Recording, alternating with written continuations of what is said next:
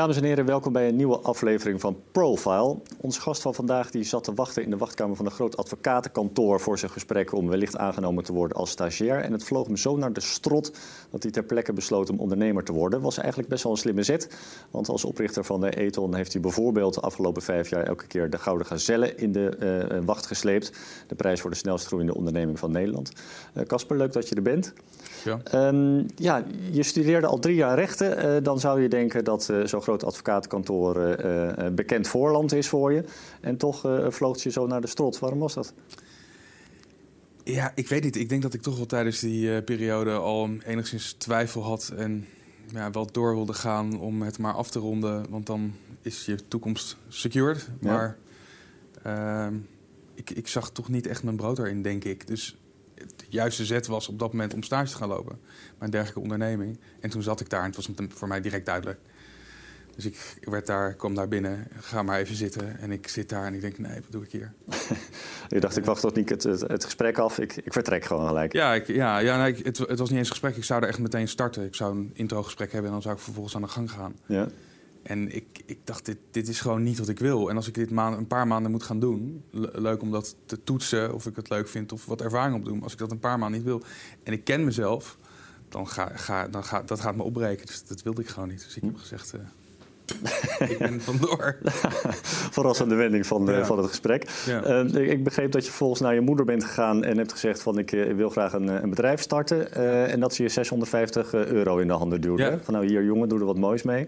Dan denk ik, ja 650 euro dat is een mooi bedrag als je een avondje wil gaan stappen. Maar om een bedrijf op te richten heb je normaal gesproken wel wat meer nodig, toch? Ja, dat klopt. Toen de tijd had ik geen 650 euro nodig om een avondje te stappen, moet ik wel zeggen. Dus voor mij was dat best wel wat geld. Ja.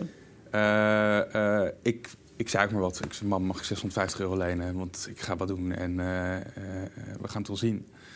Um, ja, uh, wat maak je ervan? Een paar kaartjes, een, een, brochure en een website via een vriendje. Want in mijn omgeving waren er best wel wat jongens die dat konden. En die wilden dat wel doen voor, voor weinig. Ja. En zo ga je in de gang.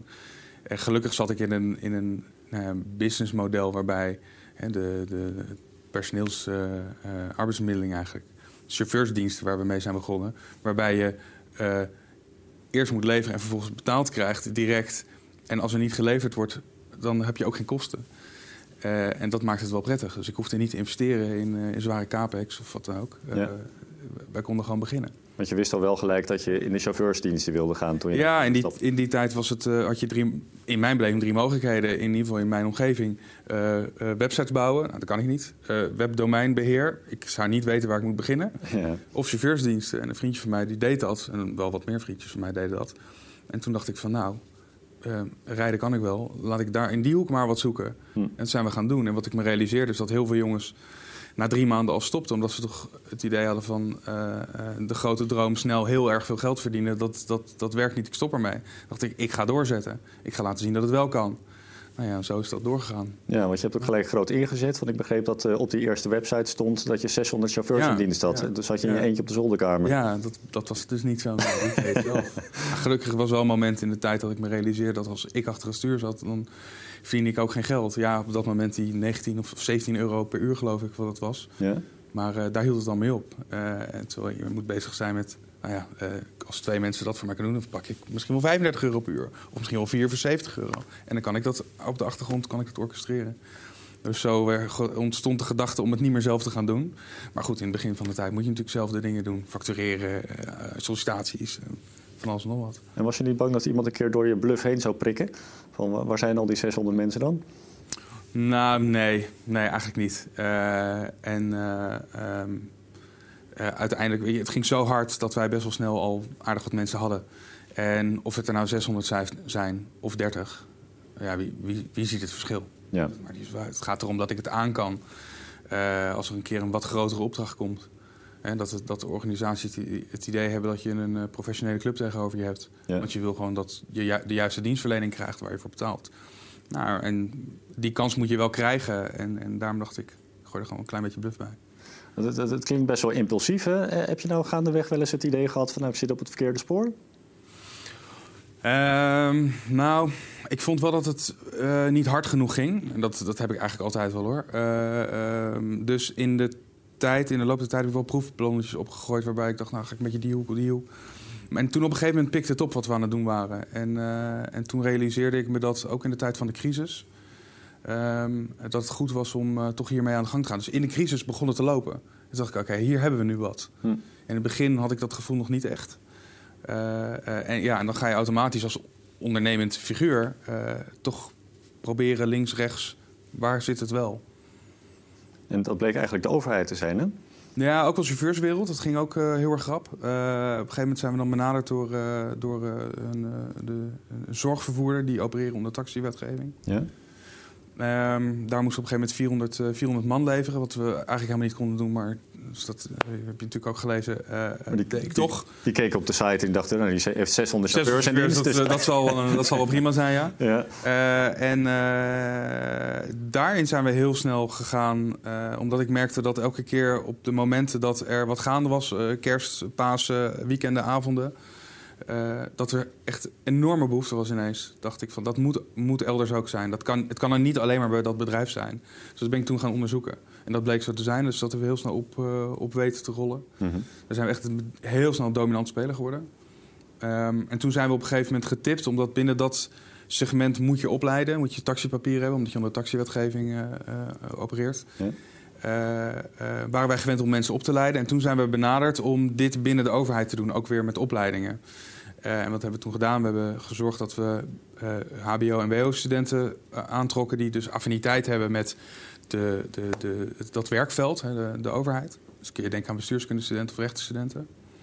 En die hebben we toen vervolgens nou, voorzien van de juiste competenties door middel van training, zware training, die we natuurlijk in het begin nog een beetje moesten modelleren, maar uiteindelijk van goede kwaliteit. En toen zijn we inderdaad die overheid ingegaan en is dat ook weer nou, heel hard gegaan eigenlijk, omdat daar ook een, een, een behoefte was. Er was krapte, daar hadden ze behoefte aan flexibiliteit. Um, en uh, het, ja, de overheid heeft ons daar ook wel echt een, een, kans in gegeven. We hebben ook eigenlijk de dienstverlening gecreëerd samen met uh, ambtenaren die, uh, die ons graag te woord wilden staan. Ja, nou, het is natuurlijk een fijne afnemer, hè, dus goed voor zijn geld ja, en zo. Zeker weten. aan de andere kant kan ik me voorstellen dat het soms best wel een beetje stroperig gaat. heb je daar vaak last van?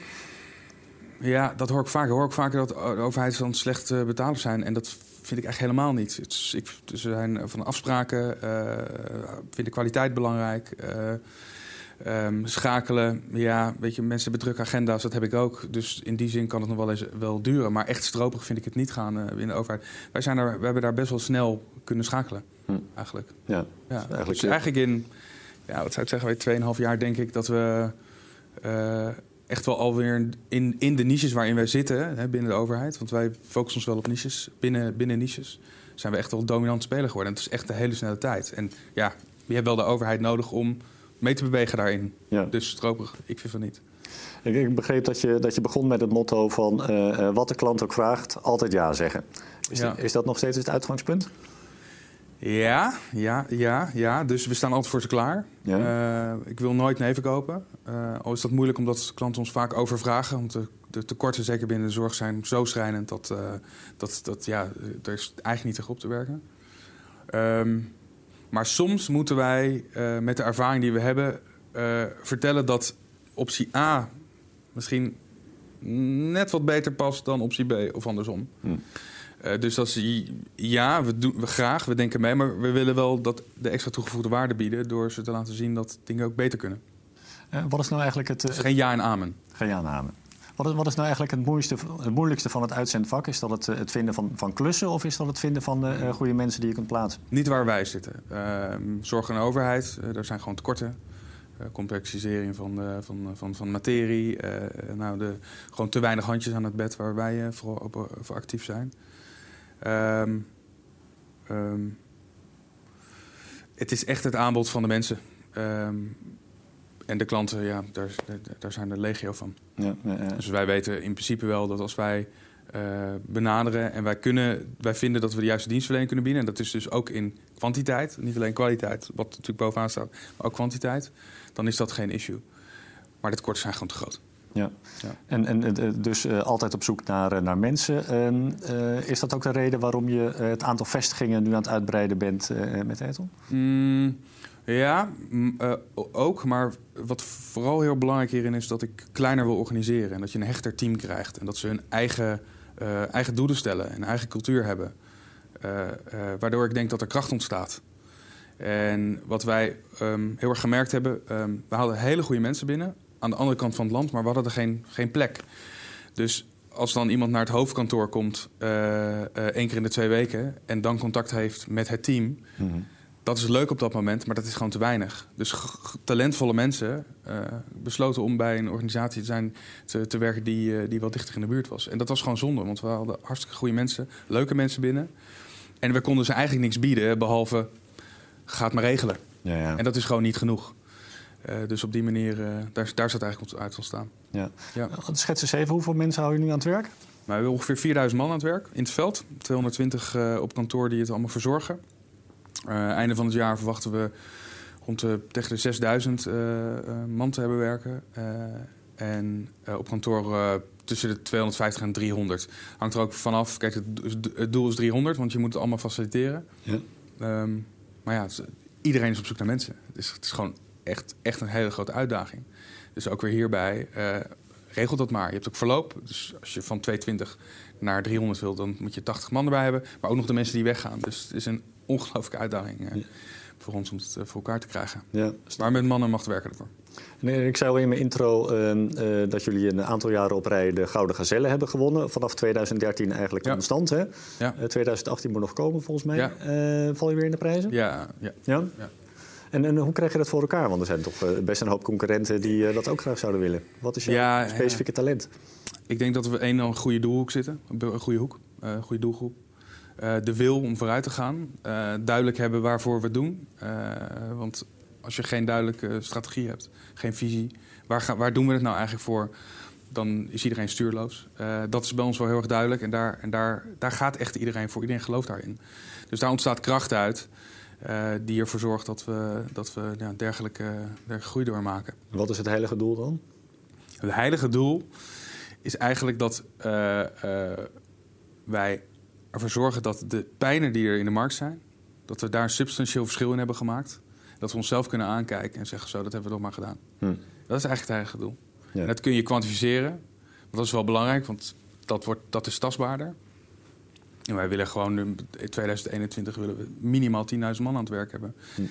En, en dan zijn we daar eigenlijk nog steeds niet. Hè? Uh, want de korten zijn gewoon veel en veel te groot. Ja. Ik, ik, heb me laten vertellen dat je ontzettend slecht tegen je verlies kan. Hè? Dat je eigenlijk, uh, wat je ook doet, uh, je wilde altijd mee winnen. Ja, ja. gisteren was ik aan tafeltennissen en toen verloor ik. Ai. En dat ben ik niet gewend. Dat ja, vind ik ook heel vervelend. En hoe reageer je dan? Begin je dan met bedjes te, te nee. gooien? Nou ja, ja, maar daarna dan lach ik wel een beetje, maar wel, wel als een boer met kiespijn. Ja. Ja, gelijk revanche vragen. Ja, ja, dat, dat sowieso. ja. Uh, goed, altijd, altijd willen winnen, ook met je bedrijf stel ik me dan zo voor. Uh, uh, ja, dan moet je ook een doel hebben. Ergens moet er een, een, een, een eindsignaal klinken. Ja. Eh, hoe zie je dat dan voor je? Ja, dat is het lastige. Ik, ik weet niet of ik ooit ga winnen omdat het iedere keer je, je toch weer je grenzen verlegt. En je de mogelijkheden ziet die je voorheen niet zag. Ik ben niet begonnen met dit bedrijf uh, met het idee van daar kunnen we naartoe. We zijn begonnen en we wilden dat goed doen en wilden doorzetten. Maar als je begint uh, en uh, je moet ehm, ik zeg maar 30 opdrachten per dag in, invullen om 100.000 euro om te zetten. En je begint, dan denk je zo, dat is veel. Ik weet niet of ik dat ooit voor elkaar ga krijgen. Ja, en nou ja, uh, vijf jaar geleden, als ik dat een keer zou hebben, dan zou ik klaar zijn. Weet je? Mm -hmm. Dus mhm. ik, ik, je kunt je daar geen voorstelling van maken. In ieder geval niet bij een beginnend ondernemerschap. Inmiddels heb ik daar meer gevoel bij, omdat we toch sturen, uh, ervaring hebben. Uh, dus dat, ik zit daar wel, wel anders in. Maar over drie jaar zit ik heb ik weer nieuwe ambities. Ja. Dan zie ik weer nieuwe mogelijkheden. Dus dat is een moeilijke vraag. En elke keer als ik ben waar ik wilde zijn om te winnen, dan, komt er weer een nieuw doel. Dan, dan ben ik dat alweer vergeten en ben ik weer door naar uh, bij het volgende. Ja, ik las in de pers uh, een van de doelen een, een omzet van 500 miljoen. Uh, ja. Jullie zitten nu op een miljoen of 60, ja. als het wordt gezegd. Hè? Ja. hoeveel tijd denk je nodig te hebben?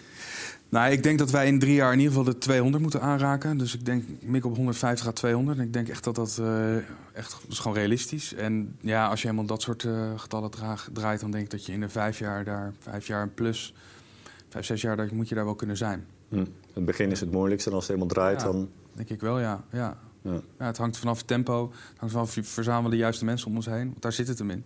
Ja. Zij moeten het uiteindelijk doen. En we hebben echt een waanzinnig team. Die eh, voor waar we nu zitten, het heel goed kunnen. En ik denk voor de komende tijd ook. Hm.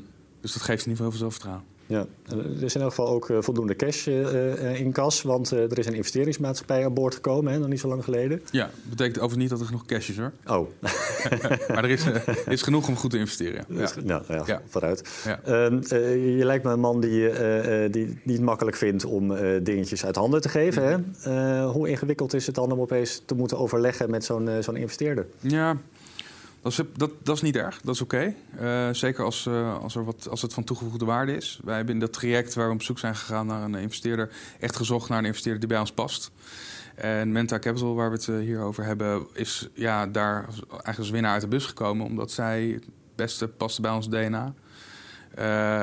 ons ook de ruimte wilde geven om het zelf te doen. Wat we altijd gedaan hebben, waar denk ik ook de kracht eh, ontstaat. Ehm, eh, en dat is wel ja, een, een, een, een, een, ja, wij werken met deze mensen. eh, en zij laten de creativiteit en het ondernemerschap volledig bij ons. Maar proberen ervoor te zorgen dat als wij het nodig hebben, en dat ligt, ligt vooral bij ons, om ervoor te zorgen dat we het binnen een lijntje houden. En dat we niet alle kanten op schieten. Want we blijven, ja, weet je, het is een ondernemende club. Dus Ja. je bent, het gaat va- vaak naar links, naar rechts. Nou ja, en ik ben er ook nog wel voor om dat binnen de lijntjes te houden. Maar zij kunnen dat dan net even wat beter. Dus in die zin is het. het zijn, zij zijn geen potkijkers. Zij, eh, zij, eh, zij voegen toe. En, en in hoeverre zit er nu nog veel bluff in de organisatie? Je bent ermee begonnen. Eh, het zit een beetje in je DNA. Nou, als ik zeg dan 500 miljoen eh, in vijf jaar, vind ik behoorlijk bluff. dat is nogal een statement, toch? Ik hoop dat het uitkomt voor je. Ja, ik hoop het. hè. Ja, ja, ja. Hey, En ehm, ehm, ja, je, je vertelde net al dat, eh, dat je het lastig vindt om, eh, eh, om te verliezen. Eh, al is het maar met, eh, met tafeltennis. Eh, maar ja, goed, het, het, het, het pad van het ondernemerschap gaat natuurlijk niet alleen maar recht omhoog. Eh, vertel eens even de moment waarop, je, waarop je echt met stoelen hebt gesmeten... omdat het niet ging zoals je wilde. Ja, dat, dat, die vraag, dit wordt mij echt vaker gevraagd. En dat hebben wij gewoon niet gehad. Hm. Het is altijd een stijgende lijn geweest. En ehm, we hebben wel eens, wat ik zei, proefballonnetjes eh, opgegooid. Die, waarvan we op een gegeven moment dachten van... dit is niet wat we gaan doen, dit past niet bij ons, hier zijn wij niet goed in. Ja, dat hoort erbij. Ik vind dat niet... ehm, dat je zegt van, nou, dit, dit, dit is te ver gegaan. Dit heeft te veel pijn gedaan. Hm. Dat hebben we eigenlijk nooit gehad. Nee, nee.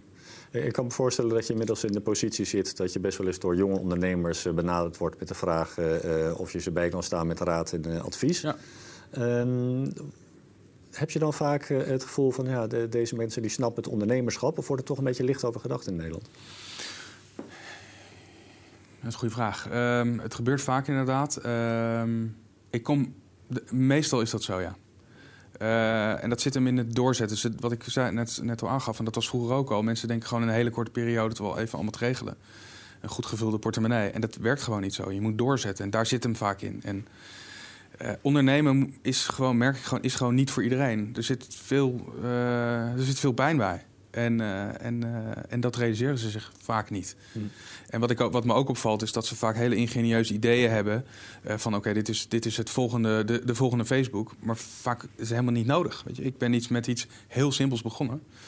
En daar is uiteindelijk iets wat complexers uit ontstaan. Maar nog steeds is het geen rocket science wat we doen. Eh, ehm, ehm, dus ik denk ook, je, je begint gewoon en je ziet waar het schip strandt, maar zet wel door. En ik- dat mis ik vaak wel. Maar ik kom wel jongens tegen die, eh, die, eh, waarvan ik echt denk, zo, die zijn misschien wel wat verder dan, dan toen ik begon. Hm. Dat kom ik ook tegen. En je zegt van ja, ondernemers moeten er rekening mee houden dat ze ook pijn lijden. Maar ik probeerde net een beetje te vissen. Hè? Wat zijn nou de momenten? Ja, dat, je wil harder. Hè? En je zit in vergadering, je hebt met, met mensen te maken. En de een vindt dit en de ander vindt dat. En daar moet je wat van maken. En, eh, en, en, weet je, dat, dat is het. Een geduld hebben en doorzetten. En, en daar, daar zit het er misschien in. ja, ja. ja, ja, ja. Eh, uitzender van het jaar ook eh, Ja. vorig jaar. Ehm, ben je dan trots op zo'n prijs? Hebben, jullie een prijzenkast op kantoor? Ja, ja, ja, ja. die wordt steeds beter gevuld. Dus dat is ook wel heel erg leuk. Nee, was, daar ben ik echt wel heel trots op. Hm. En is er nog een prijs waarvan je denkt van nou die hoort er echt nog bij?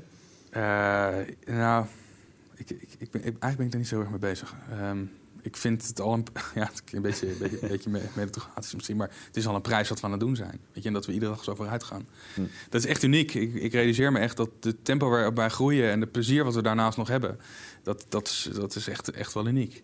Uh, ik zou niet weten wat voor prijzen er allemaal zijn. Ik, uh, ik, ik wil graag weer de Gezello Award volgend jaar winnen. Dat lijkt me wel een hele goede. Ja.